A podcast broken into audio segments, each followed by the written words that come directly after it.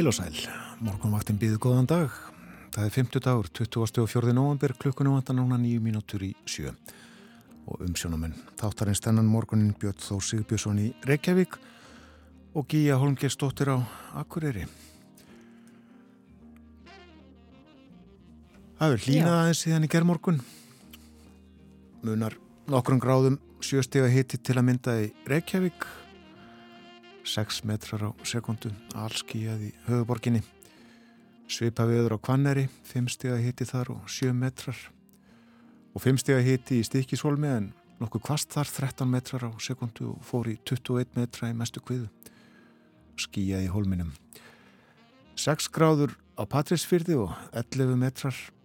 4 steg að hitti í Bólungavík og 16 metrar þar. 5 gráður á Holmavík 7 metrar 5 stíða hitti á Blönduósi 11 metrar. 5 stíða hitti á Söðunisvita 10 metrar á sekundu þar. Og svo er það Akureyri. Gíja, hvernig er það hjá þér? Já, það er Akureyri og, og veðrið. Hér er bara eins og um allt land. Það er hitti það eru 6 gráður og 5 metrar á sekundu uh, á Húsavík eru líka 6 gráður og 8 metrar Rauvarhöfn 5 gráðu hitti og 8 metrar. Á skjaldingsstöðum er 6 gráður og þar fer aðeins uh, að auka í vindin 12 metrar á sekundu. Á grímstöðum þar eru auðvitað kaldara, þar eru uh, en samt 3 gráður, 3 gráðu hitti og 10 metrar á sekundu. Og veðri klukkan 6 á eigilstöðum það voru 6 gráður og 6 metrar á sekundu rigning, það mun rigna fyrir austan í dag. Höfna hortna fyrir því 7 gráður og 18 metrar á sekundu í kvískerjum þar voru 14 metrar á sekundu og 7 gráður. Og kirkjubæjaklustri eru 6 gráður og 17 metrar á sekundu og á Stórhauða í vestmanneim er 21 21 metrar á sekundu og 8 gráðu hiti.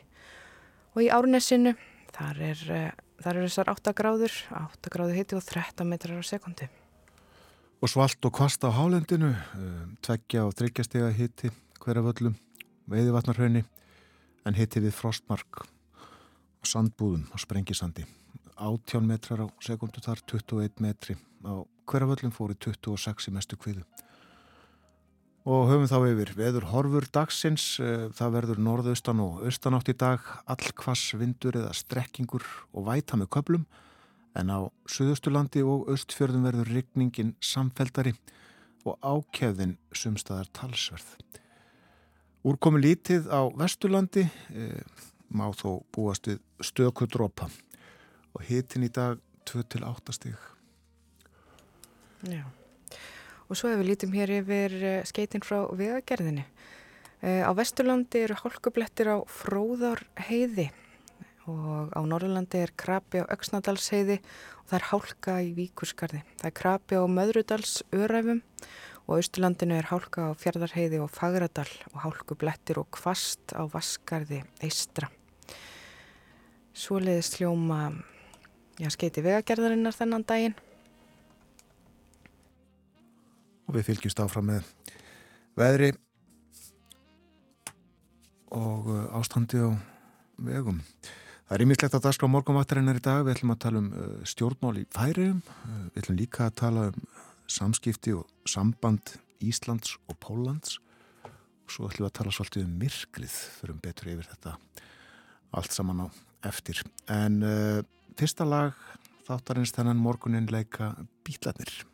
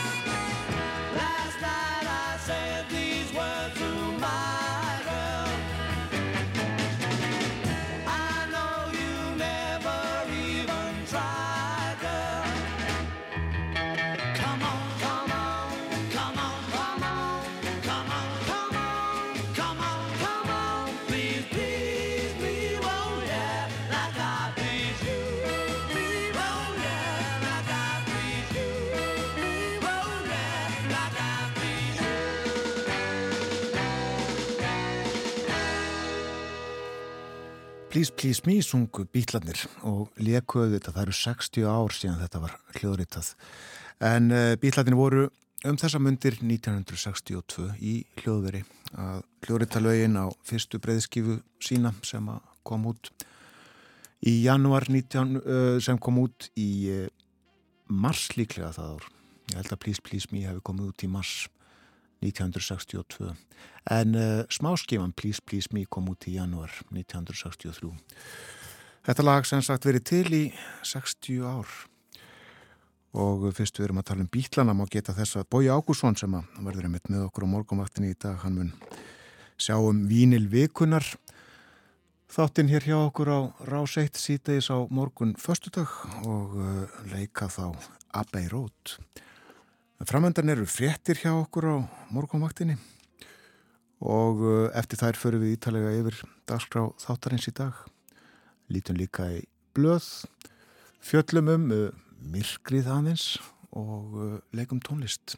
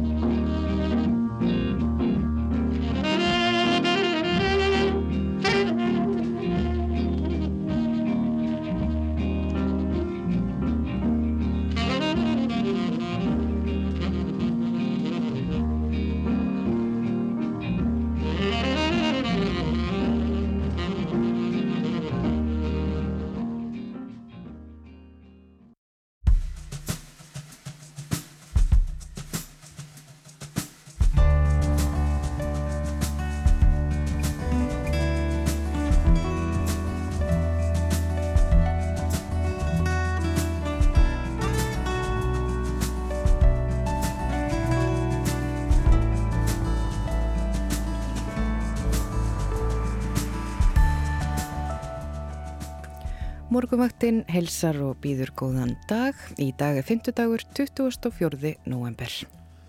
Tímamót verða í samskiptum Íslands og Póllands í næstu viku þegar Íslenskt sendiráðverður opnaði Varsjá. Pólverjar hafa nú í tæpan áratugsstarrakt sendiráði Reykjavík.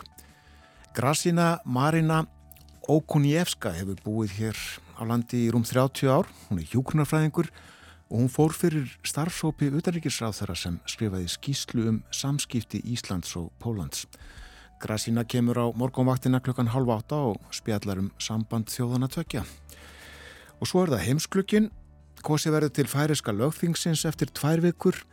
Það var búið til kostninga eftir að lögmaðurinn, sem er ígildi þeirra, veg einum ráð þeirrana úr stjórninni og flokkur hans sagði sér svo frá stjórnarsamstarfinu í kjölfarið.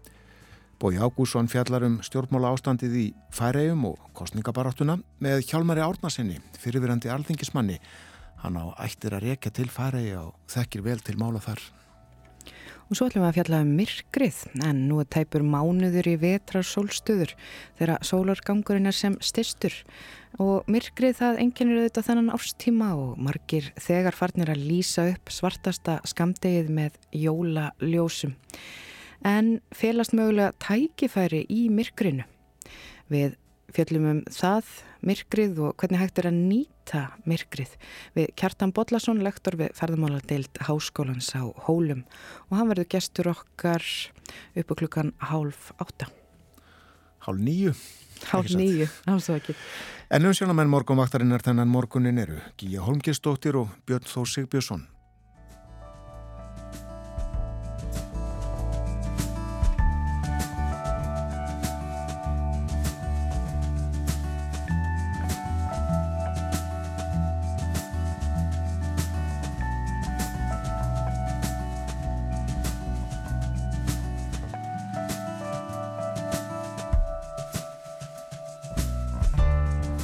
Eins og við nefndum hér fyrir fréttinnar klukkan 7 þá er aðeins lýra á landinu heldur en var í kjærmorgun en um, það verður nokkuð kvast sumstaðar.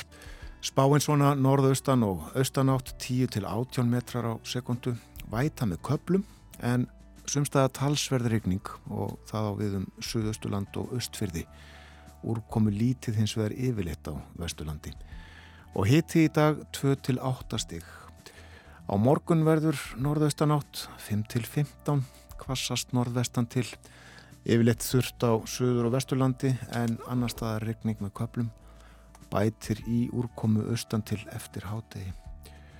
Og að því að við erum komið nálagt helginni þá rétt að fara yfir horfurnar fyrir lögadag og sunnudag má búast við suðlæri eða breytilegri átt á lögadaginn og vindræðin 10 til 18 metrar um á sekundu og uh, þetta á við um morgunin sem sagt. Og það mun regna sem leiðis allvíða. En dregur vindi eftir hátegi og stittir upp í flestum landslutum og hitin áþekkur því sem á að vera á morgun. 2-7 stig þar um byll á sunnudag uh, norðan 8-15 og rigning eða snjókoma með köplum úr komu meira norðaustalands en yfirleitt þurft sunna til á landinu og hitti á sunnudag 0 til 7 stig mildast siðst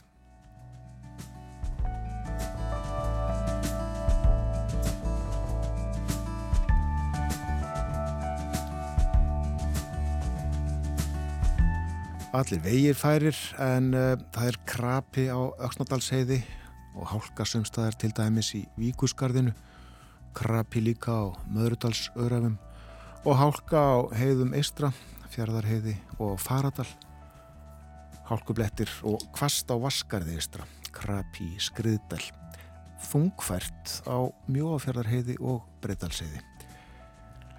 Fólk ætti þó að komast eh, svona skil þessi hugtök alveg hár rétt.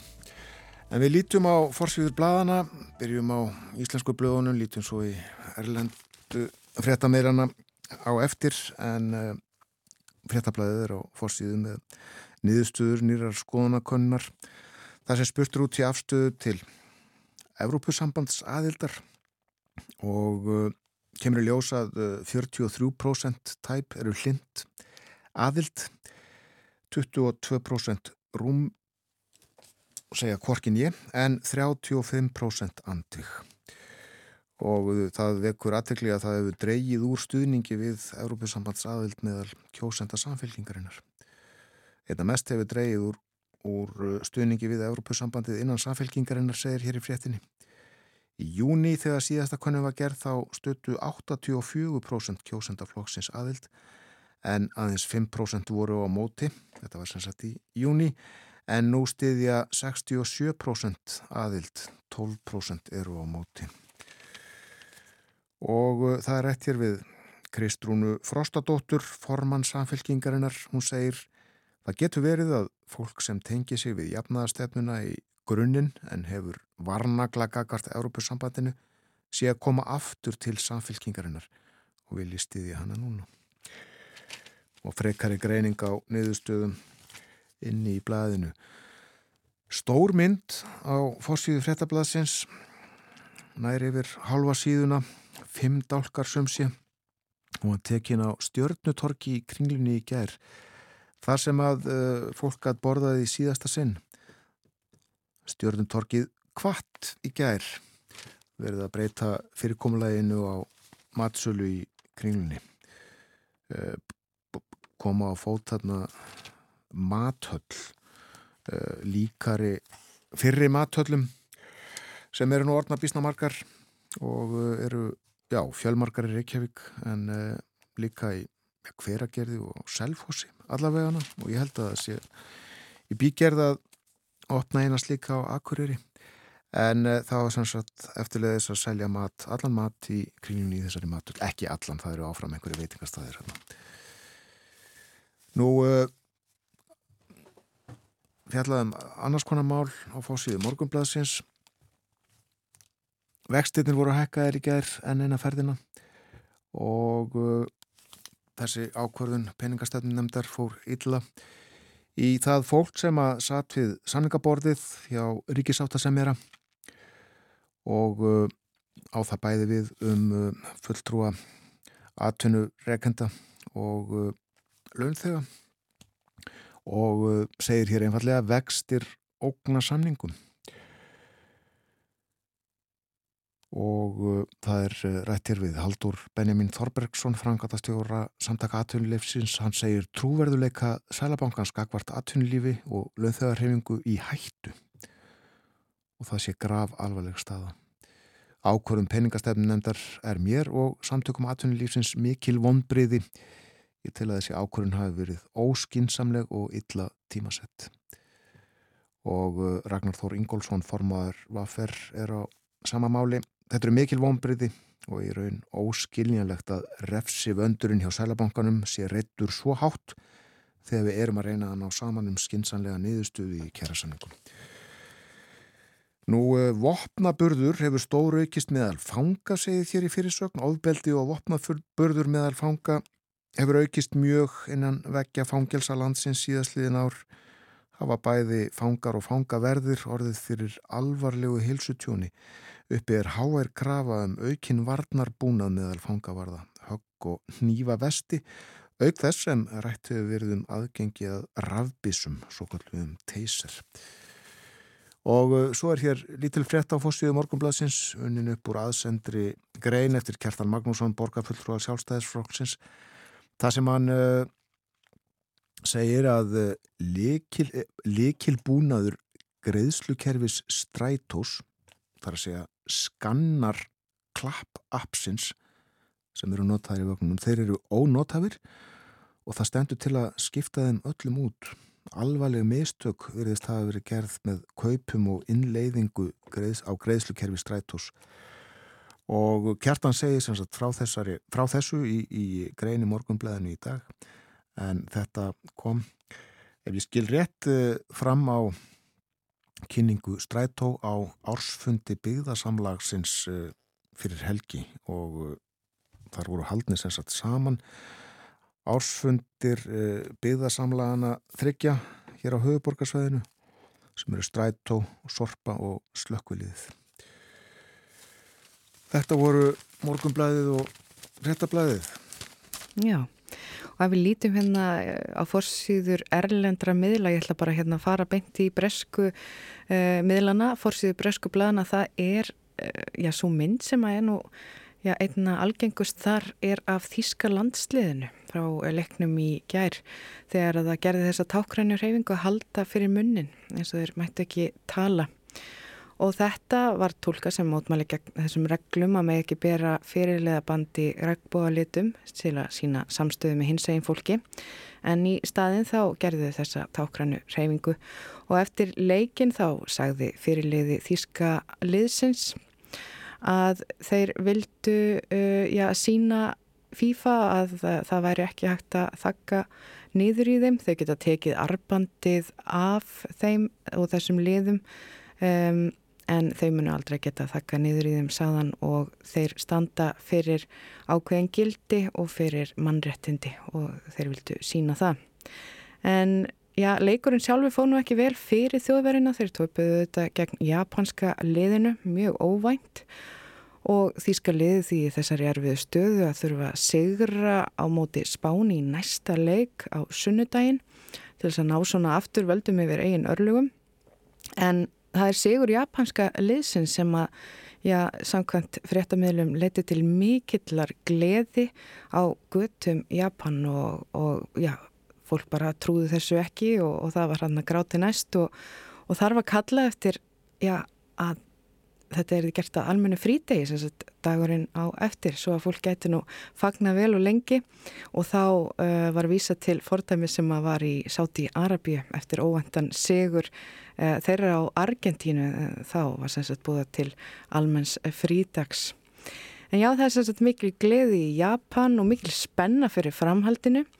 Og það stendur hérna í þessari úttækt á Guardian segir að fara yfir að uh, það er nú einhverju sem þakka ótri eh, á sætirasafninu í Tókjó fyrir þennan segur en hann spáði vist fyrir um segurinn í fyrradag, degi fyrir keppnina þegar að þessi ótur setti lítinn fótbolta í bláa fötu, merta japanska fánanum og hann alveg hunsaði eh, leit ekki við rauðu fötunni mertri Þýskalandi og hvað þá gulu fötunni sem var mert með jafntefli.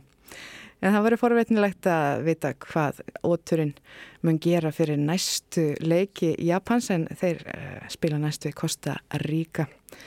Uh, og það eru fjóri leikir framundan í dag á þessu heimsmystara móti þannig að nógum að vera. En það eru líka fréttir frá Kína. Það var auðvitað sagt hér áðan í fréttum að COVID-tilfellum COVID fjölgar ört í Kína en uh, það eru líka fréttir að það eru hörð mótmæli sem hafa blossað upp með all starfsfólk í verksmiðju þar sem að framleiðir uh, ja, stórframleiðandi uh, snjálfsíma iPhone. Og starfsmenn þar mótmæla starfsaðstæðum og kjörum og lögreglan hefur beitt harkalegum aðgerðum til þess að hefta þessi mótmæli. En ástæðan fyrir því að byrja að vara mótmæla var vist vegna þess að þessi vesmiða hafði auglist eftir starfskröftum og lofað ákveðnum launum mm, og þetta bóð var vist já, mjög gott og fristaði margra sem að hættu þá í þeim störfum sem að þau voru í og fóru þangað um, já, yfir stór landsvæði sem hver um, í þessa verksmið en þegar komið var á staðinn og átti að byrja að vinna þá var fólki sagt að til þess að fá þessi laun sem að var lofað þá þyrtu þau fyrst að vinna í tvo mánuði á munlægri launum. Uh, og þetta fjall mjög illa í kramið og uh, mútmæli hafa brotist út. Og þetta er sagt geta ja, fresta því að nýr iPhone, iPhone 14 verði kynntur. En eins og við sögum áðan, við ætlum að fjalla um myrkrið í lok þáttar. E, myrkrið, þetta er auðvitað myrkasti tími ársins núna. Dagurum verður alltaf stittri og stittri. Þángar til að fer að byrta á ný. En við skulum heyra hérna lagum myrkrið.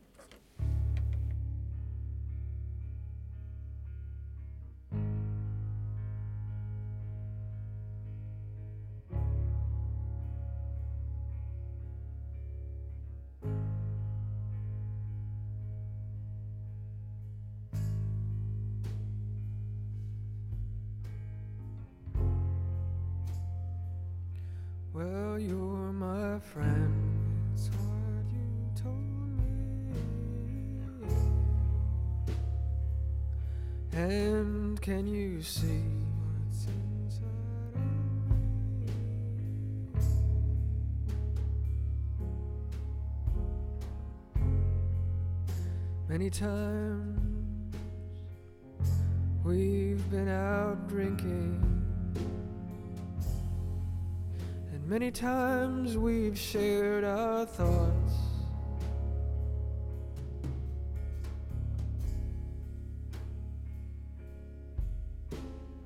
But did you ever, ever notice the kind of thoughts I got?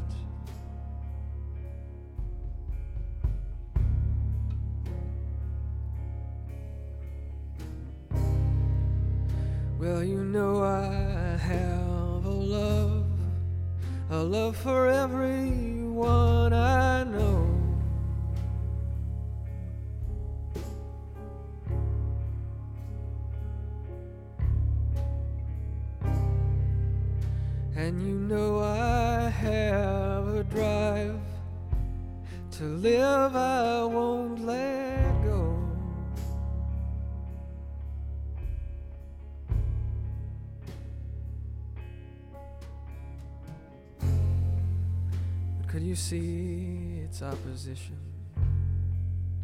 comes rising up sometimes?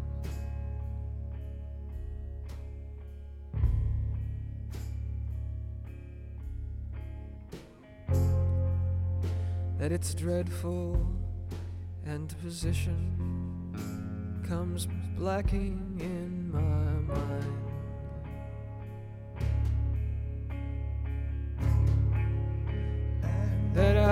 See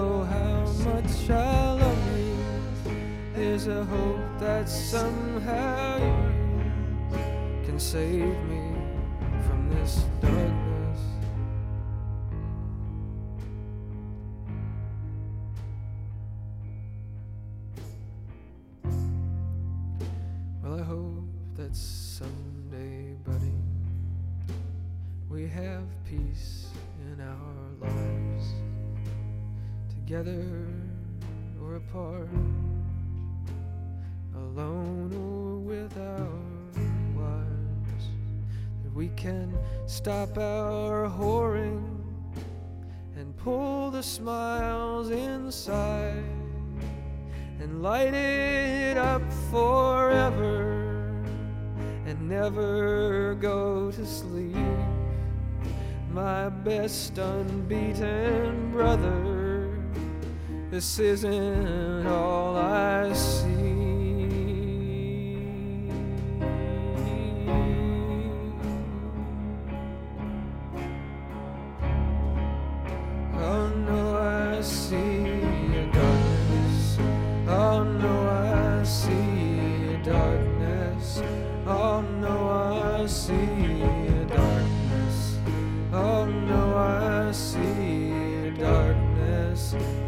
Know how much I love you? Is a hope that somehow you, you can save me from this darkness.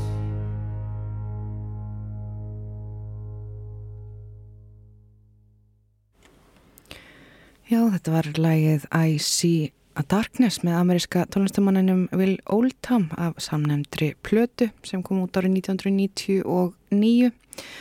Þetta var fyrsta platan sem að Oldham gaf út undir uh, listamannsnamninu Bonnie Prince Billy en sjötta platan hans í heildina. En þetta var sannsagt lag um myrkrið, við ætlum að fjalla um myrkrið í lok þáttar En orðabóka skilgrinningin á orðinu myrkur, það er að það er ekki bjart, ekkert ljós, sérst.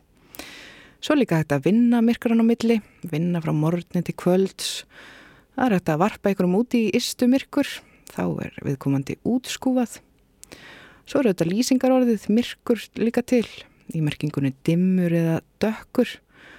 Hún horfiði út í myrkanóttina, það er myrkast í kablinn í fortíð, Hans og svipur hennar var myrkur og þungur. Já, það er margt sem býr í myrkrinu. Það er frétta yfirleitt framöndan hér á morgumvaktinni og svo förum við nánar yfir hvað er framöndan og, og, og umunum fjalla um samskipti Íslands og Póllands.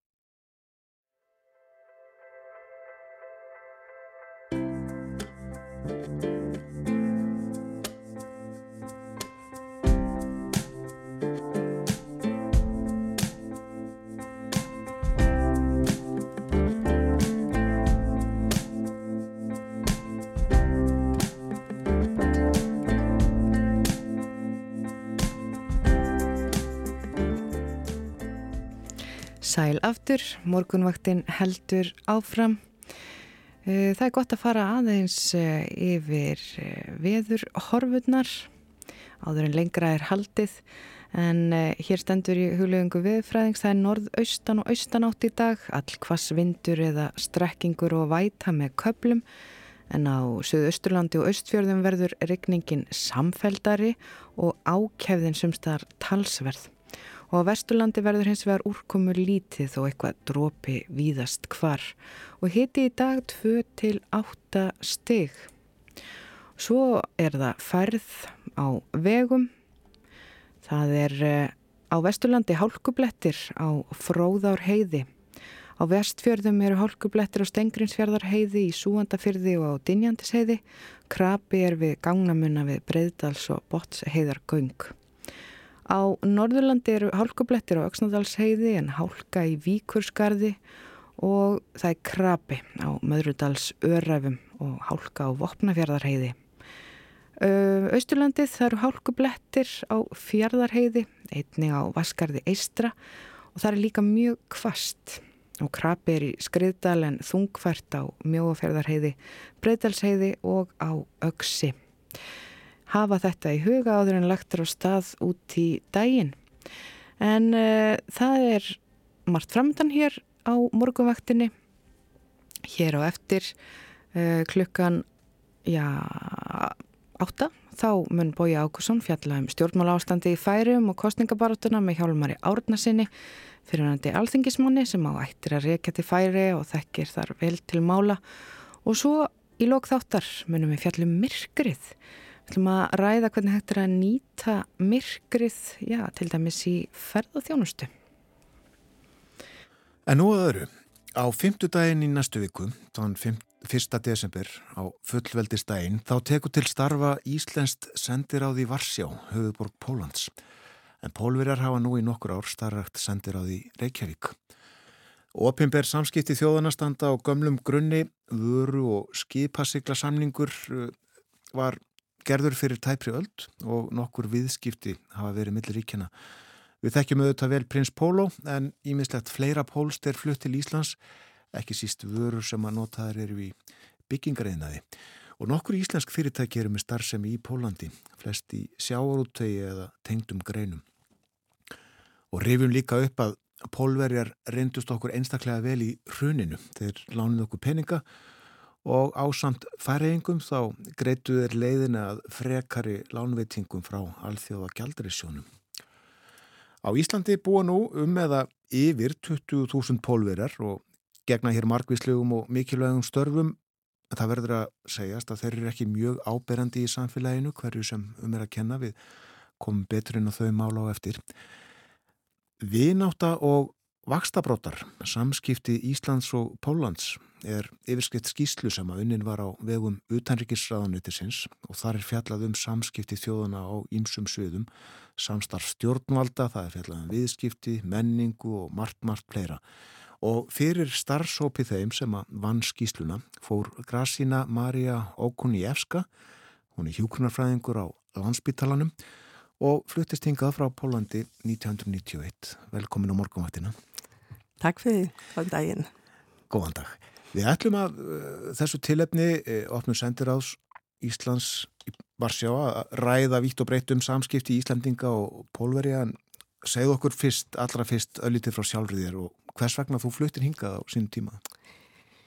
Já, það er spurning. Hérna, ég var vinna, hérna, klára hérna hjúkrun í Pólandi í árið 1985 og var búin að vinna nokkur á hérna á sjúkrahúsi og vinna líka hérna við kennslu hjúkrunarfætinga í Pólandi. Svo ákveða hérna koma í æfintiðafett til Íslands í fjár mánuði. Reynda yngre sýstir minn kom upp mér hérna og ætlum stoppa hérna fjá mánuði, vinna svolítið hluta tímanum og svo skoða landið. Og þessi æfindi átti vera svona ákveðin tíma. En svo breytist margt hérna og tími lengjast hérna. Reynda sýstir minn fór aftur heim, heim til Pólans og ég bara halda heima hérna á Íslandi. Og þessi æfindi yfir 40 ára núna komið. Ég kom hérna 91. Og unni, unni lengi á landsbítalunum? Hérna, reynda ég var fyrst hérna fyrir vestan, bjóð það í 11 ári, var að vinna fyrst nokkra mánuði í fiskvinnslu. Svo við byrja sem hjókunarfætingu 94, janúar 94 á hérna sjúkrahúsi í, í, á Ísafjörði og var að vinna það í, til árið 2002 til ég kom hérna til Reykjavík Já. og var að byrja að vinna á landsbytala, já. Akkurat. Það voru líklega ekki margir pólverir hérna uh, þegar þú komst þarna 1991 en þeim hefur fjölgað mjög og eru um eða yfir 20.000 núna. Kannt einhverja skýringa á því hvers vegna svona margir pólverir hafa kosið að flytja til Íslands? Uh, já, 91 ég held við varum svona um 500 manns á þessum tíma. En uh, já, Pólverjum bara líka verið hérna búa og vinna, þetta er mikið að gera hérna. Og svo hérna þegar veist, var, kom hópu hérna og var byrja að vinna, svo koma vinni og stundum sískinni og voru stoppa einhver, einhver tíma, stundum nokkuð mánuði, stundum nokkuð ár. Og svo flytja fólki og bara líka vel og kom fjölskyldur og bætast börnin, svo þessi samfélag var stakka. Og núna hann er mjög stór og stærsti hérna hópu yfirréttenda. Þetta er pólverja, já. Hvernig finnst þér uh, og pólverum almennt uh, Íslands samfélag taka á móti pólverum? Uh, þetta er, fólki er mjög ánað. Þetta er uh, sérstaklega síðasta ár. Hérna, þetta er fleiri pólverja og við vinna líka á mörgum stöðum. Hérna áður fyrir flesti var vinna í byggingavinnu og fiskvinnslu. Núna pólverja vinna allstaðar. Hérna margir vinna í skólum, leikskólum, sjúkrahúsum, um, skrifstofum. Svo núna hérna er líka miklu auðveldara fyrir þessar nýja einstaklingar sem er kannski ekki mjög tungumálið komið, hérna bara fá aðstof. Bæði fyrir börn í leikskóla, það sem margir leikskóla kenna er pólskum í landi líka og svo er líka margt börn á pólskum uppfuna sem er í leikskólanum sem aðstofa kannski þessar sem er nýkomni.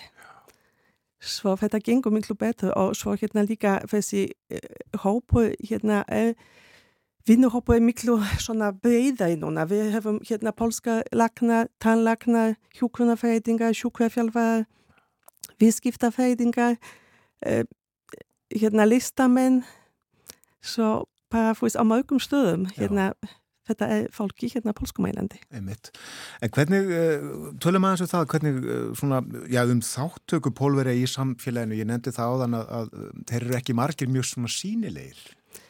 Eh, nei, það er rétt, en málið er ég held líka svona tungumál. Þetta er svolítið stór hérna eh, svona stopp fyrir fólki sem tala ekki málið. En ég sé bara núna að síðasta árum hérna fólki taka fátt til dæmis hérna voru í hérna um, sýningar, uh, myndlistasýningar og það tóku pólski uh, pólverja fátt sem er mjög ánægulegt. Það er hérna margir pólverjar sem hérna kenna tónlist í tónlistaskólum og líka vinna í symfóniu og svona halda tónlista hérna háttið. Svo annars hérna þetta er líka já, bara miklu svona breytari hópu, þú veist hérna skjólstengar, svona pólverjar sem vinna hérna í sínu starfi bara fá, búin fá veðurkynningu á sínu námi og er bara hérna komin í starf og komin í fjölskyldu og ætla að vera hérna áfram. Já, já. Já. Þú hefur aðeins tekið þátt í pólitíkinni en, en þér er ekkert mörg sem hafi gert það. Eh, Nei, við erum ekki mörg. Hérna, já, ég var, var að fingmaður hérna og 2006 og svo ég var líka að vinna í mörgum stjórnum bæði útlendinga, kvenna á erlendum ópuna, neytenda samtaka og, og margt, margt fleira. Svo hérna, já, ég er fekk að virku fáttakandi í samfélaginu, en það er líka skýring vegna þess að hérna, ég var bara fekk að fljótt að læra tungumálið. Já. Og þegar maður hérna tala íslensku, þá þetta, alla leiðir er opnið. Þú veist, maður getur taka fátt hérna hvað sem hvað sem manni langar í. En það er nefnitt ekki allir sem að kunna íslenskuna og, fæstir kannski eða hvað? Eh, Ég held þetta er svona þess að yngre kynnslóð tala miklu betur er fljótt að læra en samtidig er stór hópu sem er tala engungu polsku. Svo hérna það skipta ofsalega miklu máli að hérna vinnu veitandi aðstöða fólki við polsku, hérna, polveja við íslensku kennslu fyrir þetta skipta miklu máli fyrir einstaklinga til að taka fátt í samfélaginu. Og svo líka öryggi fólki sem tala ekki íslensku á erfitt til dæmis að fara til lagnis fyrir að þetta fara tólk og þetta tekur stundum tíma að finna einhver. Og svo þetta er líka svolítið svona hamlandi, þú veist að alltaf byggja einhver um aðstóð svona fyrir fólk, þess vegna skipta mér miklu máli að fólki læða málið. Já. Heldur þú jafnvel að, að mm. fólk leiti ekki til læknis eða á spítala að því að kann ekki íslensku? Hérna, ég veit um marga sem til dæmis ef að er bjalla einhvað meira aftur, hérna fyrir fara til Pólans og sækja fjónustu fari. Það er ekki nóg gott. Eh, nei, en veist, það er svolítið svona, já, erfitt hérna, kannski hérna, mér fólki vil ekki alltaf tala um sína sjúkdómi, veist, mér svona aðra Já, með, með aðstóð tólks Aðstóð tólks og hérna já, þetta er svona bara sjátt, þú veist, við, við höfum allt sjátt sem er meira opnaði, sem, sem er meira lokað Já, en við uh, þurfum að, taka okkur á, gera betur í, í því að kenna íslenskuna Já, mér finnst ekki, ekki spöðning En þá, uh, svona að annars konar samskiptum þjóðana Þú hafði þetta skrifað þessar skýslu og heil löng og alls konar fróðleikur og efni í henni. Tölum að þessum viðskipti, ég nefndi að prins Pól og Súkulæðið, keksið, en hér er ímislegt fleira pólst og við kannski áttum okkur ekki á því. Já, það er hérna til dæmis, hérna er ofsalega mikið á byggingaförum fyrir Pólandi og svo matvæða, hérna er líka pólska búði, matvöðbúði sem hérna uh, bæði hafa hérna polska matvöru og íslenska og aðra. Svo hérna líka varahluti í bíla og landbúnað vila. Þetta er líka margt sem er innflutt. Svo snirtuvöru, hlífafatnað fyrir sjómen og svo margt má telja. Fyrir utan, þú veist, líka menningu sem hérna líka er svolítið svona verk hérna á Íslandi. Akkurat. Já, þú nefndir auðvitað á uh, tónlistakennarina, þeir eru viða frá Pólandi. Já, hérna tónlistakennarina þetta er hérna hópu sem kom hérna fyrir mörgum árum. Þetta var 1995-7 sem kom hérna tónlistakennara frá Pólandi og margir búa ennfá hérna bara út á landi og sumir hérna í Reykjavík og ennfá í kennslu. Mm. Svo þetta er mjög ánægulegt, já. En er uh, mikið um íslenska vörur í Pólandi? Þetta er fyrst og fremst mikið fisk. Og hérna, annars þetta er líka mikið uh, hérna, tónlist, hérna, til dæmis hérna, íslensk í Pólandi. Og mjög vinsalt. Ég veit ekki hvort hérna Íslandika hérna, veit hvað, en árið 2019 til dæmis voru haldnir yfir 40 tónleika íslensks tónlistafólks í Pólandi. Hvað segir þú? Já, að Íslandika er mjög virkið að taka fátt hérna í eh, menningarlífi líka Pólans. Já. Það er áhugavert, þetta vissi ég ekki. En við nefndum það uh, og það er þekkt að, að það eru yfir 20.000 pólverjar á Íslandi en veistu hversu margir Íslandingar bú í Pólandi? Ég, hérna, uh, það voru svona um 50-60 manns hérna þegar við vorum skrifa skýsluna. Svo þetta er fyrir lítil hópur en þetta er samt mikið samskipti millir Pólans og Íslands og hérna ég til dæmis sjálf hérna oft fljúa þessa leið og maður sé það að Íslandingar til dæmis fara oft í spila golf til Pólans og þetta er svona síðast að tvo á ég held þetta svona bætist. Svo hérna ég var að hitta veidimenn sem voru á leiðinni frá Pólandi til Íslands hérna. Svo bara ekki sem sækja það og svo maður að segja som fyrirtæki halda uh, áskatið í Pólandi. Ah, fyrir að þetta er beint flug og þetta er mjög fælegt fyrir einstaklingar þú veist að fara til Pólans þetta í þessum fyrirtækjum oftast vinna margi pólverja og hafa líka þess að tækifæri að sína sínum íslenskum vinum eh, landið. Akkurat, sniðut. Já, það er flóið, er það ekki til nokkura pólskra borga? Já, þetta er hérna til Gdańsk, Varsjá, Krakow, Wrocław og ég veit ekki hvort Poznań er ennþá en var á lista en þetta var einhver breytinga núna eftir COVID hjá vísir svo ég er ekki alveg viss. Nei, hún endur hérna á fjóra, fimm borgir eitthvað Já. sem þess Þér finnst líklega allt gott við það að Ísland opni sendir á því Varsjá Já, ég er ofsalega ánað hérna því að þetta var búin tala svolítið lengi um þessi sendið áð en uh, þetta tók svolítið tíma. En ég var mjög ánað hérna því að við varum skila skýsluna hérna september í fyrra sem okkar aðal tillaga var að opna sendið áð í Varsjá og bara á setna þetta er komið, Já. svo þetta er bara mikið gleði okkur. Akkurat, já, já, já.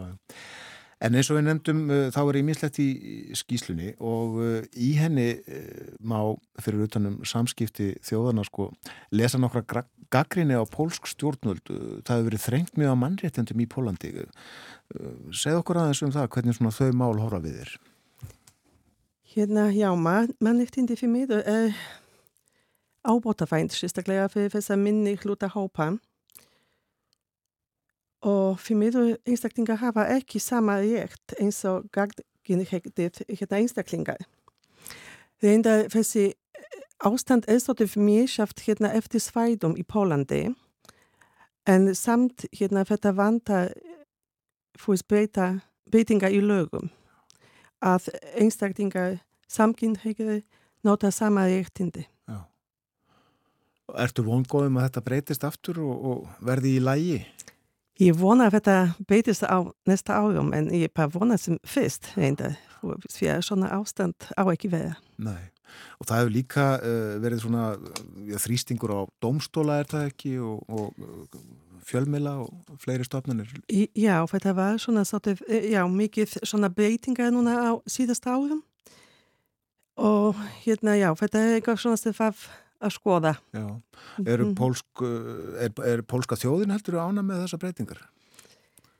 En ég held ekki, en þú veist, hérna, ég er ekki búin, búa hérna í 40 ár, bráðum hérna í Pólandi, svo hérna ég er ekki mjög svona, hvað maður segja, hérna svolítið svona djúft í politíkinni í Pólandi.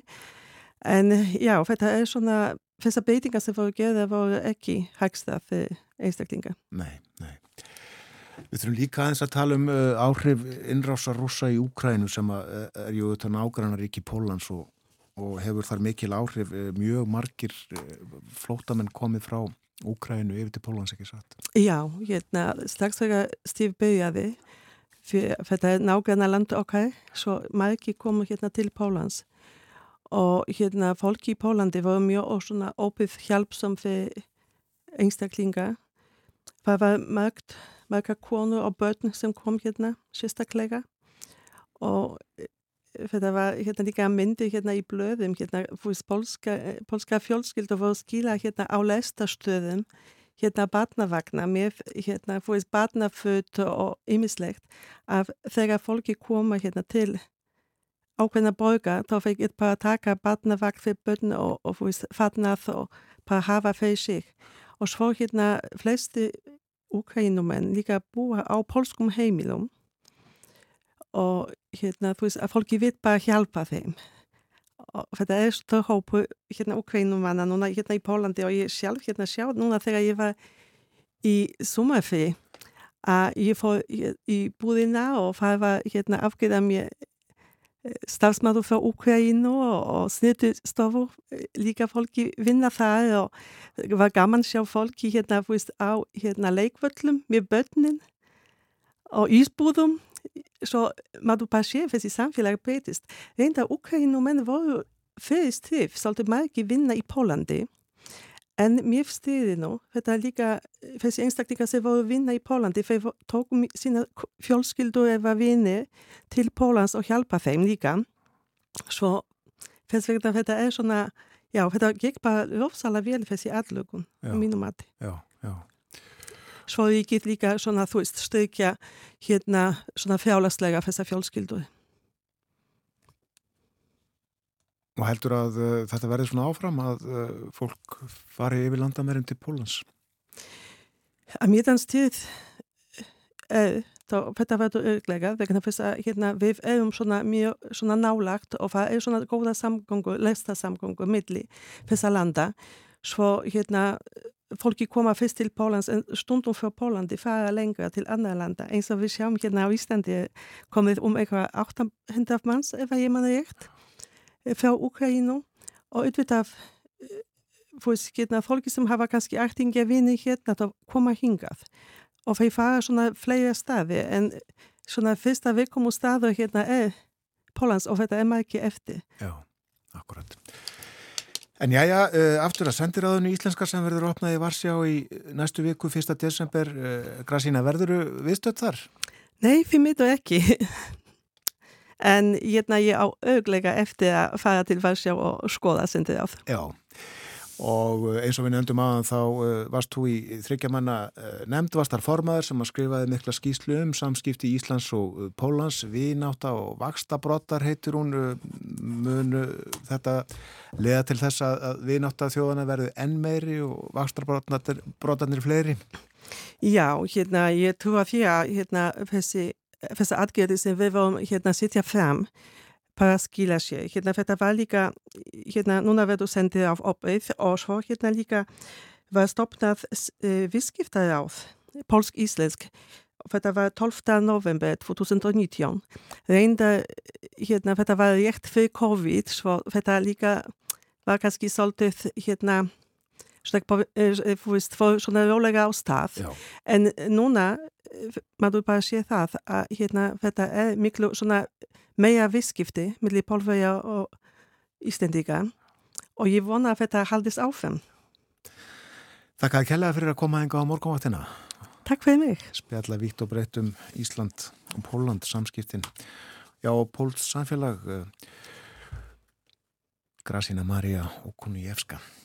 Hún er hjóknarfræðingur, eh, kominga 1991, bjó fyrst fyrir vestan en uh, hefur lengi verið á höfuborgarsvæðinu og uh, vinnur á landsbítalanum og heldur hérðan til vinnu. Framöndan eru fréttir hjá okkur, eftir þær verður Bói Ágússon með okkur heimsklukkin á morgunvaktinni á 50. mornum. Við ætlum að uh, tala um kostningarnar í færiðum sem fara fram eftir tvær vikur og uh, myrkrið, það verður til um fjöldunarmelli hálf nýju og nýju.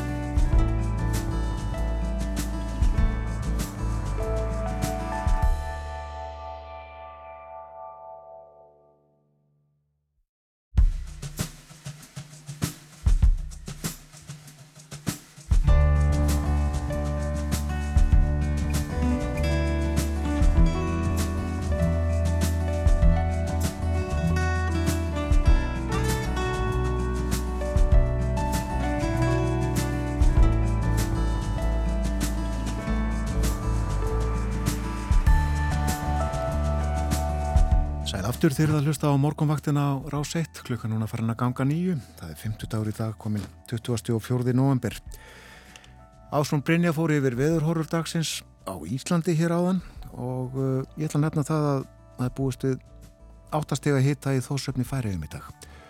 Hvers vegna nefni ég það? Jú, vegna þess að uh, færisk málefni, færisk stjórnmál verða til umfjöldunar hjá okkur í heimsklukkanum Góðan dag, Bói Ákusson Góðan og blessaðan daginn, Björn Þór. Já, færisk málefni til umfjöldunar eftir stuttastund en mm. við ætlum fyrst aðeins til Skotlands. Sko eini vel upplýstu hlustendur heimsklugans vita yfirlítið að hæstiréttur Breitlands hvað upp þann úrskurði í gær að skoskustjórninni væri óheimilt að efna til eh, þjóðaratkvæðagreyslu þó hún sé ráðgefandi um sjálfstæði Skotlands nema með leifi breskustjórnarinnar og það leifi fæst ekki neitt Það fegst einu sinni uh, hjá David Cameron og uh, sjálfstæði sinnar töpuð þeirri atkvæðagrislu 45-55 og núna hefur sjálfstæði sinnum vaksið á smegin í Skotlandi og sérstaklega ferða í töðunar á mjög mörgum skotum að þeir voru dregnir út úr Európa-sambandinu gegn vilja sínum, það voru vel yfir 60% skota sem vildi vera áfram þeir segja við kusum ekki þessa stjórn, við, við kusum ekki íhaldið, við kusum að vera áfram eh, í Európa-sambandinu þessi stjórn hún eh, gerir hún, hún neyður okkur til þess að gera hluti sem við viljum ekki gera. Við viljum ekki lengur vera hluti af uh, þessari, þessu sambandi. Við gengum uh, sjálfvilju inn í það 1707 nú viljum við fá hérna, kjósa um það hvort að við getum gengið út uh, árið 2023 því að það var ætlað aðgæðagaríslanir í oktober á næsta ári. Uh, Breskastjórnin hún ætlar ekki að leifa nýja atkvæðagreyslu eins og ég saði e, og hvernig bregst Nikola Stöðsson við? Fyrstir á þeirra skota, hún segir þá verða bara næstu almenna kostningar de facto í raun kostningar um sjálfstæði Skotlands. Það er að segja þegar að gengi verður til þingkostninga í Breitlandi hvernig sem það nú verður, það verður ekki setna heldur inn í áslokku 2024 Uh, að þá ætlar hún að láta þær kostningar í Skotlandi snúast um sjálfstæða Skotlands. Já.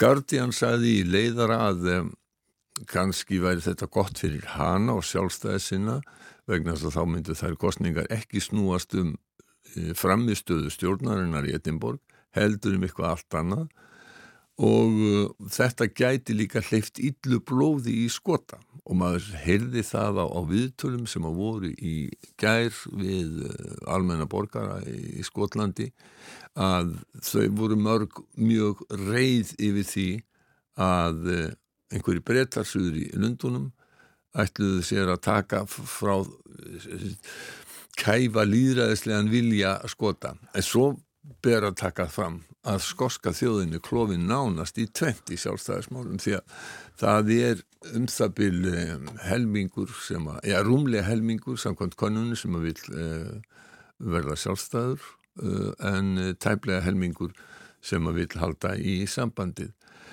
Eitt sem að hérna, gerir veiki stöðu Nikolur Stöðsson ef að þetta verður kostningamál í, í breskum þingkostningum er að um, í þjóðrætkvæðgreyslu þá mega allt niður í 16 ára greiða atkvæði en það er eh, herri kostningaaldur í eh, þingkostningunum og það er alveg vitað að eh, það er miklu meiri stuðningu við sjálfstæði meðal yngstu aldurshópana Þannig að e, þetta, það verður gaman að fylgjast áfram með þessu. E, hún hefur í rauninni lagt pólitíska framtísina undir. Ef hún nær ekki 50% stuðningi í næstu þingkostningum, að þá í rauninni telja flesti skynundur að hún verður að segja af sér. Það er mitt að. Og frá uh, skotum til færinga, staða þessara þjóða hliðstæð svona vissuleiti auðvitað? E, já, ákveðnuleiti og, og, og líka það að, að skoskir uh, þjóðurnesinnar, þeir vilja ganga til líðs við Norræn ríki e, og vilja að þeirra sjálfstæða Skotland eins og þið sjáða fyrir sér verði svona Norrænt velferðaríki eins og, og Norðunöndin og eins og færiðar eru. Mm. Sko færingar er að ganga til kostninga núna. Þess vegna höfum við fengið Hjálmar Árnarsson hingað fyriröndi alþingismann sem á ættir að reykja til færiða til þess að spjalla aðeins um uh, færisku stjórnmánu. Velkomin Hjálmar. Já, takk fyrir. Góðan daginn. Og það eru kostningar í færiðum 8. desember og til þeirra var bóðað að um, það er meir en ár, já, neð það er tæft ár þángar til að kjörtímabilið rennur út og En eh, stjórnin fjell og hún fjell vegna þess að eh, lögmaður rak Jénis af rana, utaríkis og mentamálar á þeirra færi úr stjórninni. Hann, e, skulum, hann, hann, hann er sömulegist þekktur útfarsmaður á, á útfarstuðinni Lindin í færium. Við skulum aðeins heyra í honum e, þar. Ah, halleluja, hei, viltu býja fyrir slítsíkt og fingrum og knöfum Takk fyrir. Bi fyrir at okur skulle få meira fisk. Yes. I like it. Hatta dama mer. Halleluja. Takk, Jesus. Takk, takk, takk, takk fyrir at okur bia om alt. Hva er þarna nå skjedde? Hva er det nå skjedde? Ja, það var eila. Nei, jeg spør jeg Hjalmar om han er tatt nå. Bidja fyrir fyrir einhverjum sem er með líðagikt og svo er hann að byggja fyrir uh, því að það verði meiri fiskur á miðunum. Hjálmar, þetta, þetta er Sann Kristinn maður. Þetta er, já, hann er svona sem útvarsmaður er hann svona svo í Eiríkur í, í hérna Omega. Já. Og hefur verið með fyrirbænir. Hann byður fyrir eh, veikindum fólks og, og, og eins og kom fram í bæn, setni bæninu þarna. Þá er hann að byðu meiri afla á, á færiskmið og það sem er merkilegt kannski við þessar eh, fyrirbænir og lækningabænir hans hann er mentaður læknir. Já. en eh, er svona strángtrúaður og það er ástæðin fyrir því að stjórnum sprakk. Og það er það má segja hans í sjálfum sér samkvæmur. Já. Því að eh, hann er, hann er í einum af svona þessum sértrúarsöfnuðum sem eru nokkuð sterkir í færium, ekki síst baptistanir og það var afstæða hans til samkynneigðars, mm. ítrekuðaðar yfirlýsingar um andstöðu við eh, réttindi samkynneigðara og það bara endaði með því að, að Bárður á stæk, lögmaður, hann gafst upp. Og mm. gafst upp eftir að hafa svona reynd með ymsum uh, bröðum að svona að temja læknin og, og prestin en án árangus þannig hann, gefst upp það má segja að í því endur speiklist það sem er að gerast í, í færiðum og þetta tegir sig yfir í fólkaflokkin sem er svona sýsturflokku sjálfstæðisflokk sem sér fólkaflokkurinn er nánast að liða sundur. Kannanir bentu til þess að hann myndi tapa helmingi í þingflokksins. Tapa um 8% atkvæða Já, prosentustígum Já, Já. 8% 8% atkvæða fara úr 24 niður í, niður í 16 Já. sem könnun frá 8. november og það sem er merkilegt að Jannis Arana hann er að fara upp í 8% samkvæmt þeirri könnun hann er að bæta við fylgisitt og uh, það sem að uh, veldur því er að innan fólkaflokksins hafa verið mikil átök þar inni eru margir íhaldsamir baptistar. Já. og þeir hafa verið í hafa meðal annars flæmt svona frjálslinda politíkus Annika Olsen fyrirverandi borgarstjóra í Þórsögn þeir flæmdu hana úr floknum og núna er hún farin alveg yfir í vinstri græn í rauninni við, yfir í þjóðveldi, ja, þjóðveldi sem, er, er sýsturflokkur vinstri græna já, já, sem byggir á bara gamalli vináttu högn og hættal og Stengriðin Sjóð Sigfússon. Þeir voru bara svona personleir og, og góðir vinnir en eh, já, þjóðveldi hefur verið svona, svona eh, til vinstri. En það er auðvitað sjálfstæðisbaróttan sem heldur þeim saman. Mm. En uh, það er ekki bara það sem hefur gestið á uh, fólkafloknum Það byrjar í rauninni með því að Jörgen Niklasen, uh, gamal rendur sem hann liði tóið fólkaflokksins Já, var formaður þar, mm. hann var að segja sér að því að hann var tekinn fullur á bíl Já. Og hann reyndi sem, það sem að hefur alltaf reynist í politíkusum innan að svo Erlind Síla, hann reyndi að ljúa sig út úr því Já. og það gekk ekki upp þannig hann var neittur til að segja sér en auðvitað kröymaði annað þar undir og það má segja að eru þessi sömu átök og eru í raunin verið að kjósum núna mm. að það eru svona frjálslindis öll innan e, fólkaflokksins sem að vildu láta til sín taka, fólk eins og Annika Olsen og formaðurinn sem að tók við, Kristján eh, Andreasen sem að tekur við af Jörgur Niklasen, hann er búin að segja af sér núna. Og annar sem að var í, í landstjórnir er líka búin að segja af sér. Stjórn ungra fólkaflokks uh, ungra í fólk, fólkaflokknum í Þórsögn, hún sagði öll af sér. Þannig að fólkaflokkurinn er að leysast upp.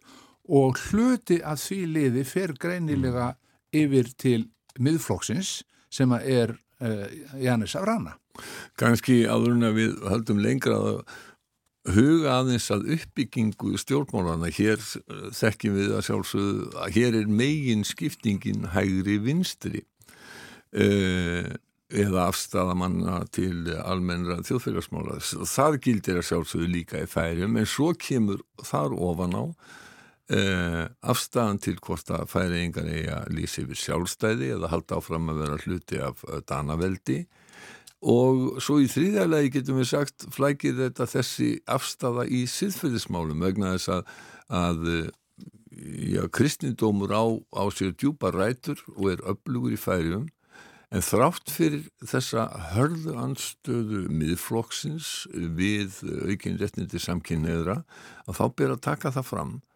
að uh, það eru kannski 10% færiðingar sem að hafa hérna gengið í, í, í göngu uh, til stuðnings hins einn fólki og Já, og, og það hefur og, og, og það er akkurat lýsandi fyrir það sem er þessa, það, hvað kræmar bara í, í færisku Já. samfélagi í dag. Já. Það er einmitt að yngra fólkið er að krefjast þess að, að færi að rífi sér svona út úr þessum krettum, getum við sagt, og þröngsýni sem að fylgir svolítið þessum sértrúa söfnuðum. Þegar að e, Gay Pride e, byrjaði hjá þeim fyrir e, hvað, einum sjú árum, þá voru 400 manns. Mm -hmm ég var nú svo heppin að vera eh, daginn fyrir Ólasvögu núna í ár. Já. þá fer geipæð á miðvíkudeginum Ólasvöka byrjar á 50 degi þá vorum 5.000 manns eða 10% þjóðarinn og alveg mögnuð stemning. Og það var voru ekki bara ungir, heldur sá maður líka að eldra fólkið er farið að sóast inn í þetta. Og það er þessi, þessi gerjun og þessi átök á milli gamalla kretta getum við sagt mm. og, og forbókunar versus síðan þessi krafa um bara aukin mannréttindi og, og meira svona frjálslindi og um það er, það er einlega auksvöldin sem er verið að kjósa um held ég í dag. E, auksvöldin sko að verða sjálfstæður eða vera áfram hjá dönum. Það kemur í ljós að sambandsflokkurinn sem að lögmaðurinn stýrir Barður og Stæk hann er svona nokkuð með eina halda sínu í, í skoðanakonun, jáfnvel aðeins bætir við sig.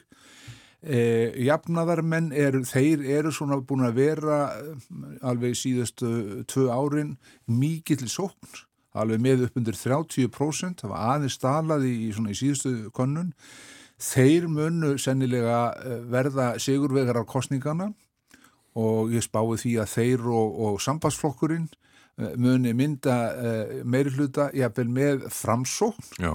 sem er gamalt klopningur úr fólkaflokk Já, einmitt, það fram, fram, það er Pól Mikkelsen. Það er Pól Mikkelsen. Eh, Sko, framsóknir eh, flokkarnir heita sömu nöfnum. Já, en óskildir framsókn hér. E, Já. Og, og, og, og miðflokkurinn er óskildir miðflokknu hér. Já. En þetta er einmitt áhugavert ég held að það séu 33 þingsæti á færiska lögþinginu og þetta eru 6-7-8 flokkar eitthvað svolítið Já, sko, það er fjórflokkur en svo, svo kemur miðflokkurinn og svo er gamla sjálfstýrið sem að samkvæmt skoðanakonun virðist verið að þurkast út. Já. Það beigði mikið á, á persónlegu fylgi e, Kára Haugård, kallað Kári Póstura því hann starfaði lengi sem, sem póstur, indælt maður, kynntist honum vel í, í vestnorrana þingmannaráðinu. E, þegar hann hætti að þingi þá nánast hérna, þurkaðis gamla sjálfstýrið út, fekk einn þingmann í síðustu kostningum og það var óanaðu krati sem sig út úr jafnaðarfloknum Já. en hann fer, fer ekki fram núna. Og þá er rétt að, að benda á að nú eru flokkarnir búinir að velja frambjóðundur og færir, við getum nefnilega lært það þeim, færir eru eitt kjördæmi. Og það gengur þannig fyrir sig að nú eru flokksfélagin búin að velja hverja þeir samþykja sem frambjóðundur fyrir flokkin og svo fara þeir frambjóðundur úr öllum flokksfélagum á einn lista Já. landið er eitt kjördæmi. Og þegar fólk fer síðan og greiðir atkvæði þá getur það eksa við nafn á þeim einstaklingi sem að þýlis best á. Og þá fær sem sagt flokkurinn þetta atkvæði en einstaklingurinn líka.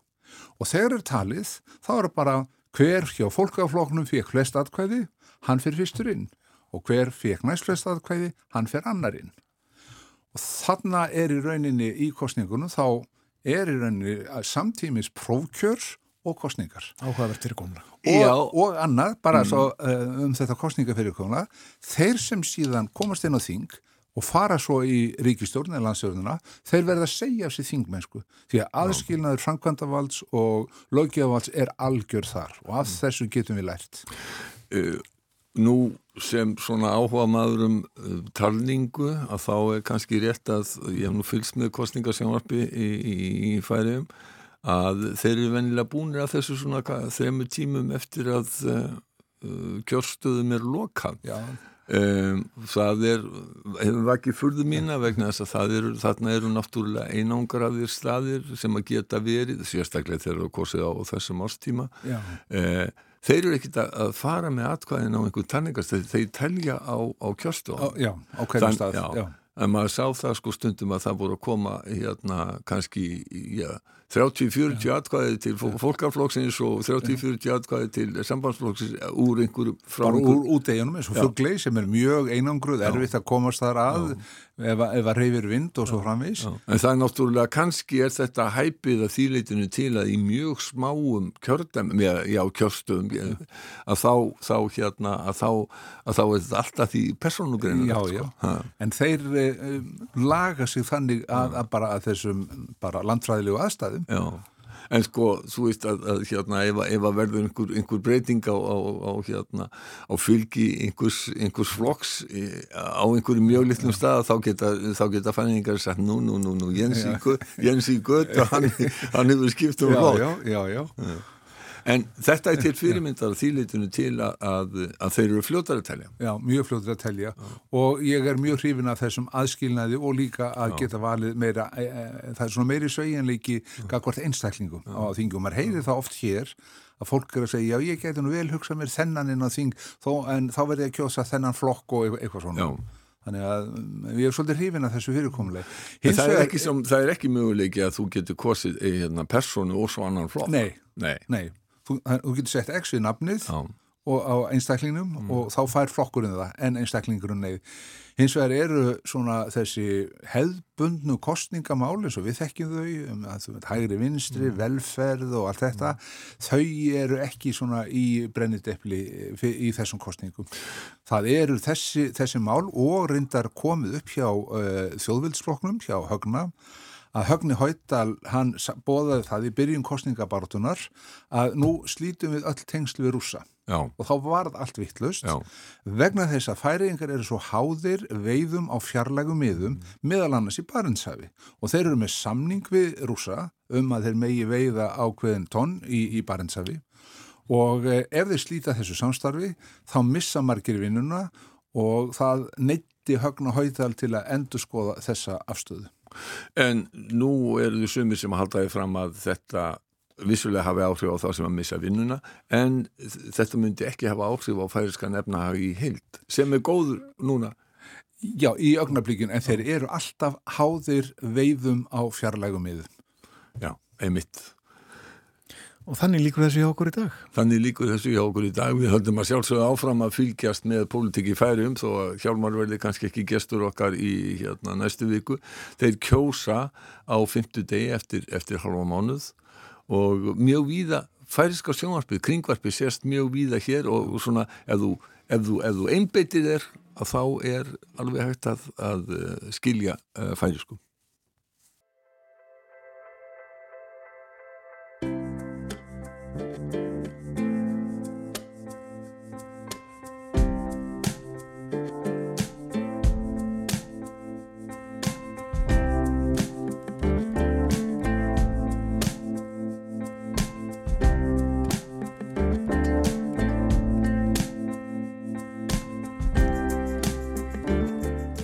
aftur þeir eru að hlusta á morgunvaktina á rás 1 klukkan réttliðlega hálf nýju, það er 50 dagur í dag. Hugum aðeins að veðurhorfum dagsins og næstu daga það verður tólti kvast, vindræðin svona að 18 metrum á sekundu þar sem kvastast verður.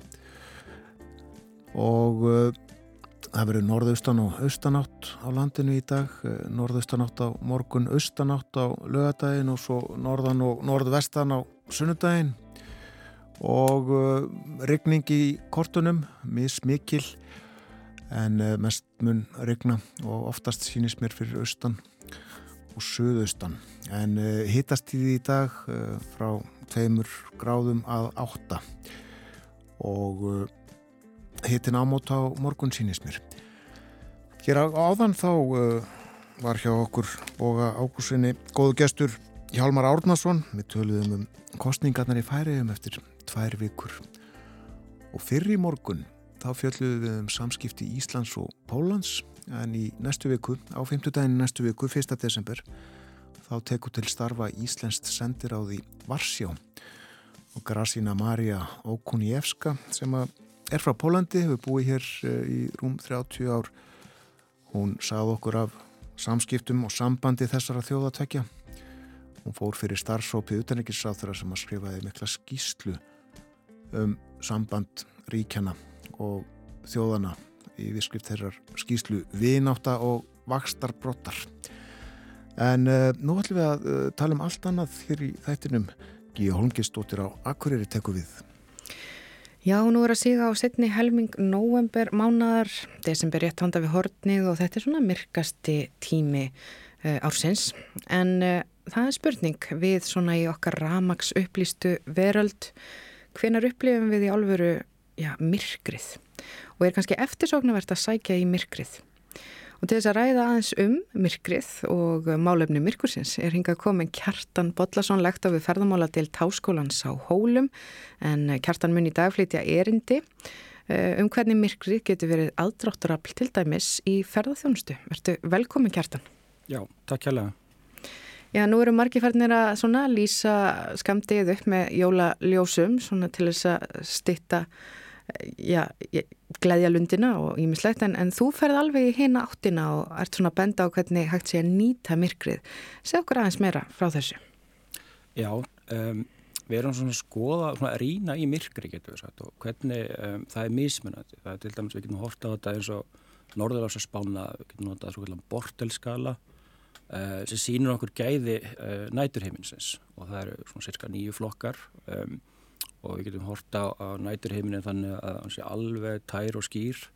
Það er kannski svona yfir eitthvað eðmörkum um, svo eins og hérna við sjáarsín á Íslandi eins og, eins og ég var að skoða næturheimin með kollegum mínum í þessu Európaverkefni í, í, í gær, eða fyrradagur eftir að sagt.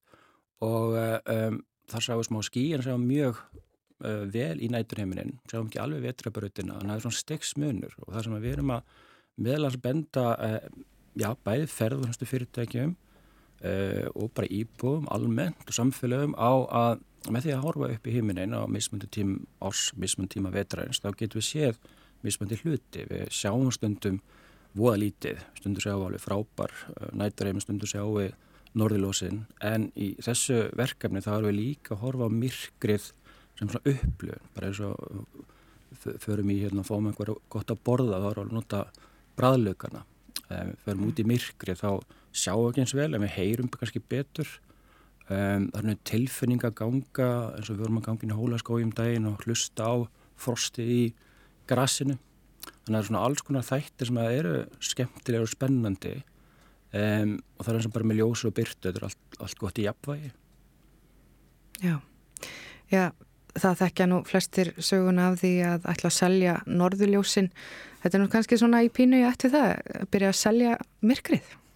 E, já, kannski, jú, e, en við erum að horfa bæði á svona myrkur gæði en líka svona í, þá einmitt í tengslu við ferðarþjónustuna e, sem svona vistvæn ferðarþjónusta, einhvað svona sjálfbar mm. ferðarþjónusta, þar sem við erum að líka að horfa á áhrifbyrtunur á, á dýr og skortir og það er miklu meira vandamál söður Evrópu þar sem er alltaf myrkri yfir sömarið. Um, hér á Íslandi hefur þess verið samskiptu við uh, lífræðing og vistfræðing og vístamenn hjá Náttúruminnsafni Íslands og þau eru svona að byrja að skoða um, hefur byrtust í því á Íslandi einhver áhrif á uh, viskirðu okkar, á dýrin okkar. Um, við veitum að getur hatt áhrif á sepkjæði mm.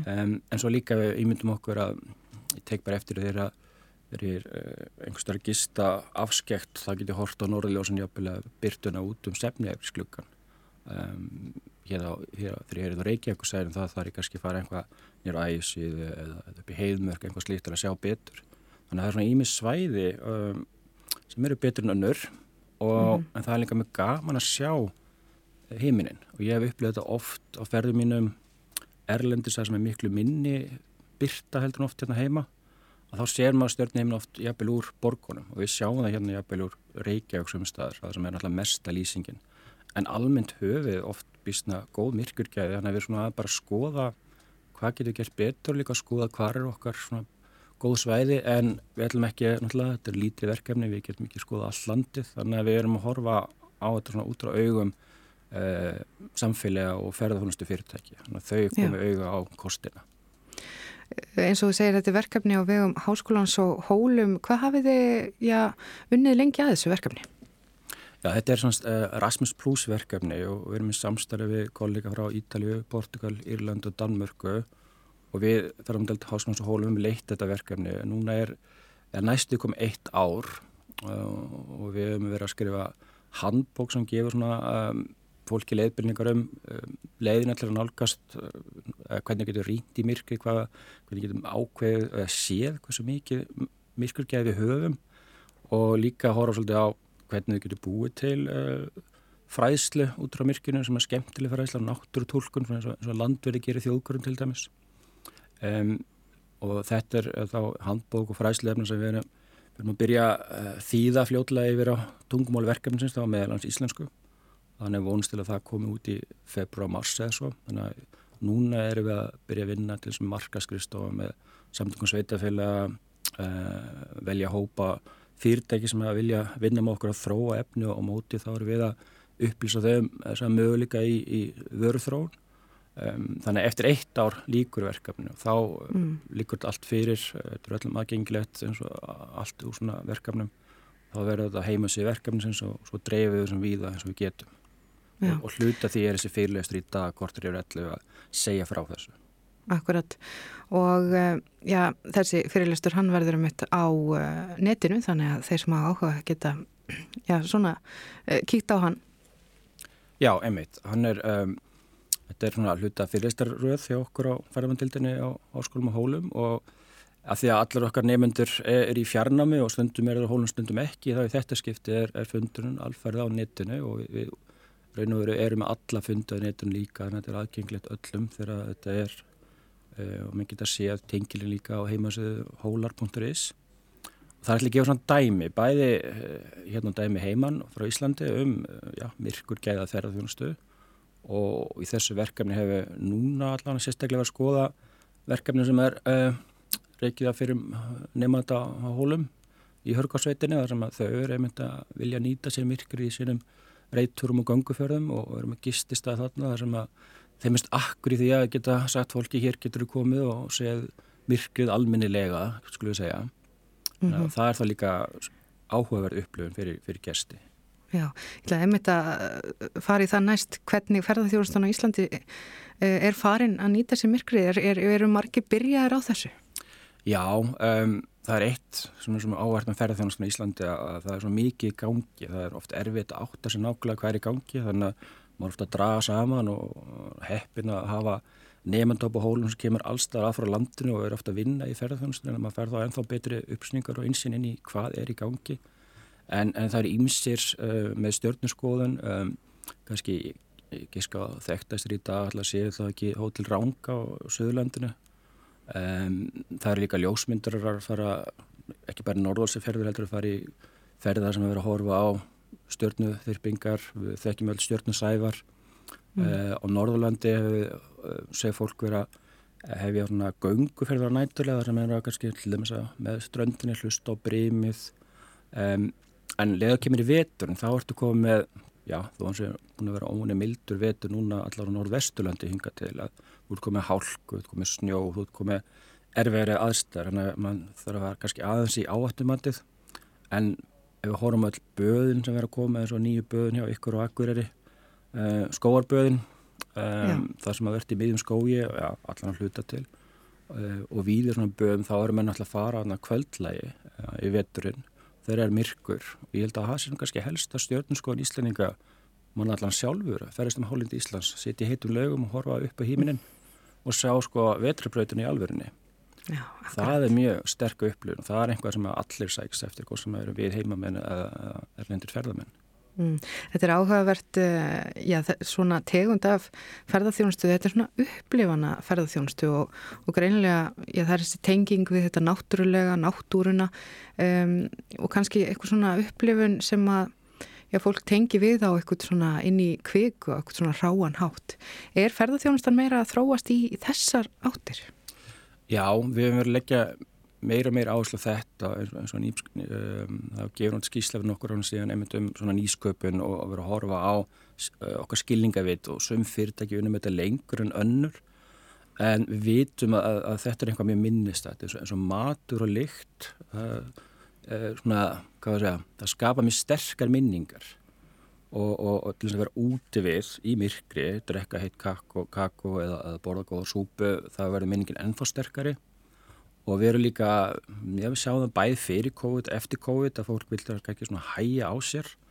Og fyrir okkur hér við á Íslandi þá er þetta líka mikil kostur. Að þetta kostar ekki mikla innviði. Þetta kostar meira tíma og ímyndunafl hvað getur gert á staðanum og svo það sem við erum að sjá líka hérna þessu verkunum bæði og nefnd að fjallum á heima hólum í gær uh, með sögur eins og djáknin og myrkra eins og draugarsögur, eins og hryllingssögur sem, sem vekja svolítið upp ímsar frum hvaðir kannski en frum hugsanir Já. og við sáum þetta við í öðrum löndum líka en það eru alls konar sögur einmitt úr myrkrinu. Og það er vekið áhuga. Það tengi okkur við landi, við náttúruna.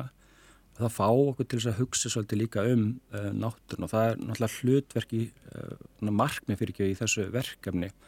Það er að vekja fólk uh, með að vekja aðtikli fólks á, á visskerfin, á náttúrunni tólka náttúrun ekki eins og sé einhver fyrirleistur heldur svona áhugaverðin máta og sögur bara við heldum öll hvern sögur utan af jafnvel úr, úr þjósam Jóns Árnasonar. Það er mjög mannlegt að segja sögur þetta er elsta kennsluaðferðin.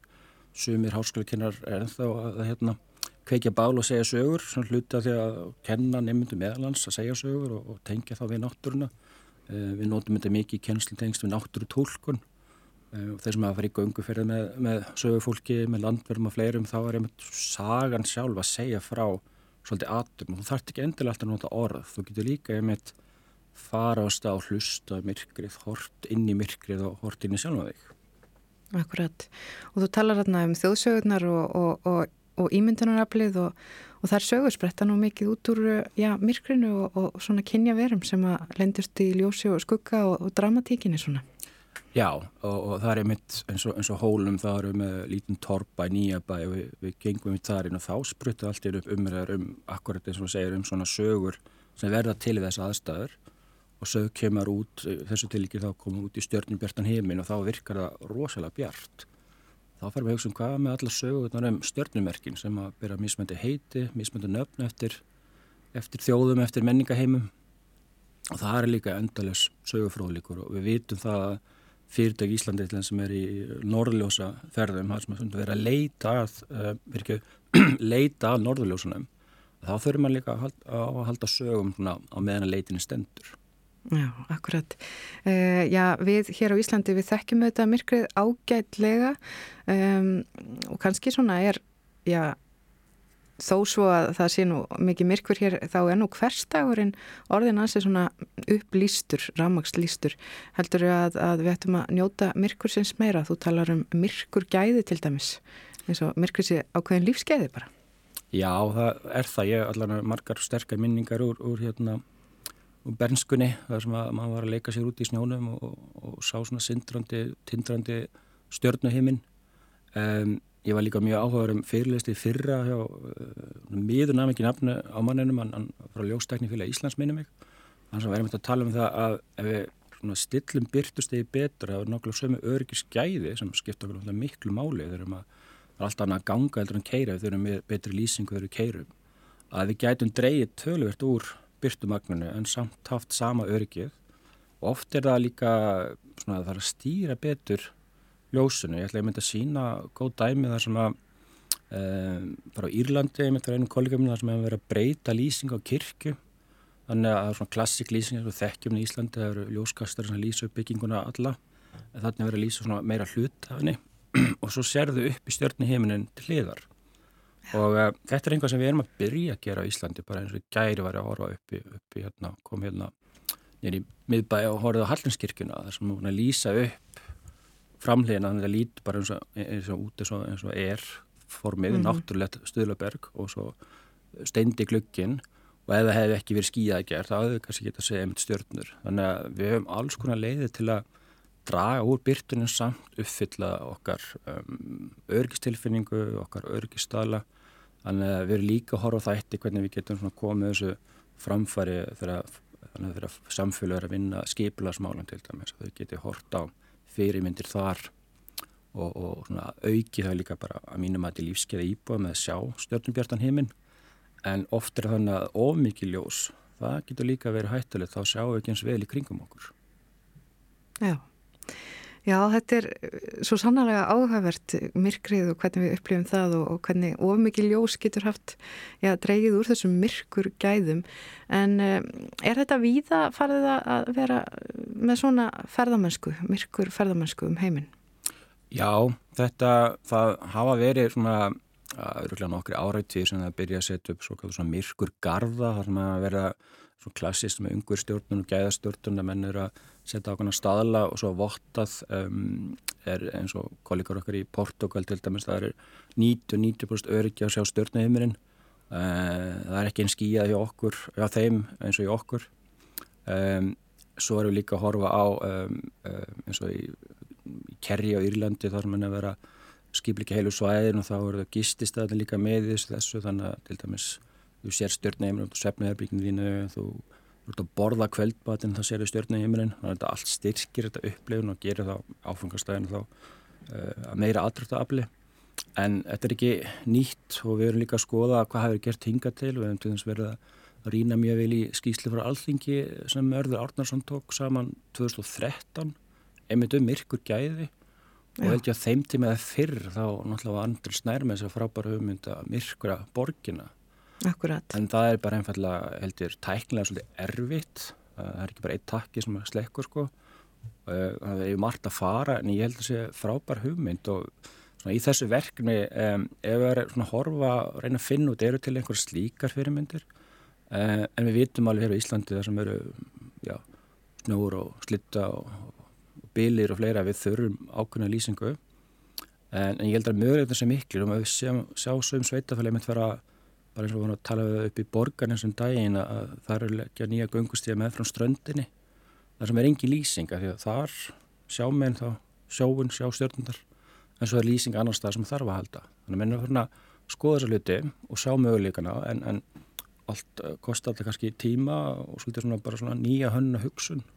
Já, og þá er þetta að koma já, rannsóknir ykkar eh, á háskólanum á hólum sterkarinn til þess að uh, sapna upplýsingum og þekkingum um málefnið. Já. En kæra þakkir fyrir komuna í morgavöktuna Kjartan Bodlasson og fyrirlesturinn verður á netinu hefst klukkan 11.15, kortir yfir 11 og stendur til 12 og það má nálgast hlekkin inn á hólar.is, er það ekki svo? Jú, einmitt. Takk kærlega fyrir mig. Gleislitt, takk, takk. Og eh, já, það er nú margir sem að uh, skella sér til heitulandana yfir myrkasta tíma ársins. Við ætlum núna að fara til Mallorca.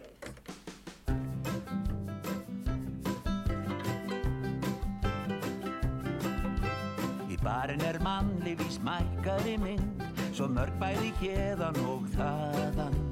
Flest eru nákvítinn, fæst eru sinn og ferleg í bankanum staðan.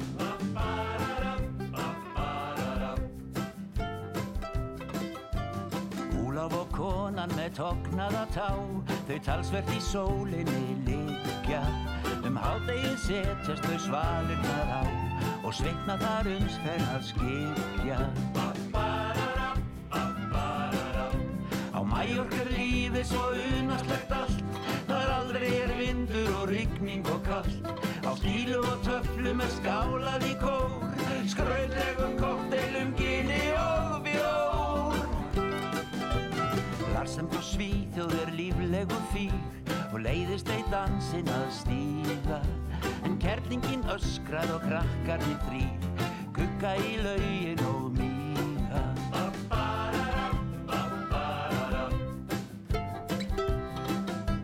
Johnny frá Derby í drikju á met, hann drekkur sinn bjór alla daga.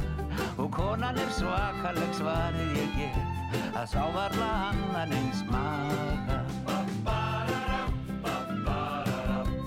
Er lífið svo unaslegt allt, þar aldrei er vindur og rigning og kallt. Á skílu og töflum er skálað í kór, skrautlegum korteilum, gini og bjór. Eitt úskrifta hópur frá Verslói veit, í viku hvað upp er og niður. Sex on the beach, því sólinn er heit, þau svilna í framann því niður.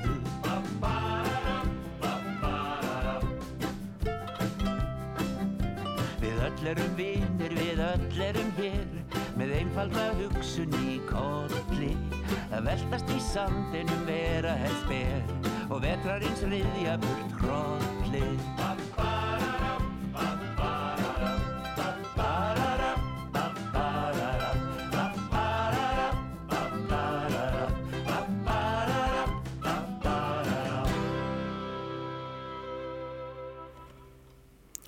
Já, hljómsveitin South River Band söng þarna um ferðalag. Þetta var lægið á Mallorca. Það var hann Helgi Þór Ingarsson sem er textahöfundurinn, Ólafur Þorðarsson samti lægið. Lekið í framaldi af umfjöllunum Myrkrið.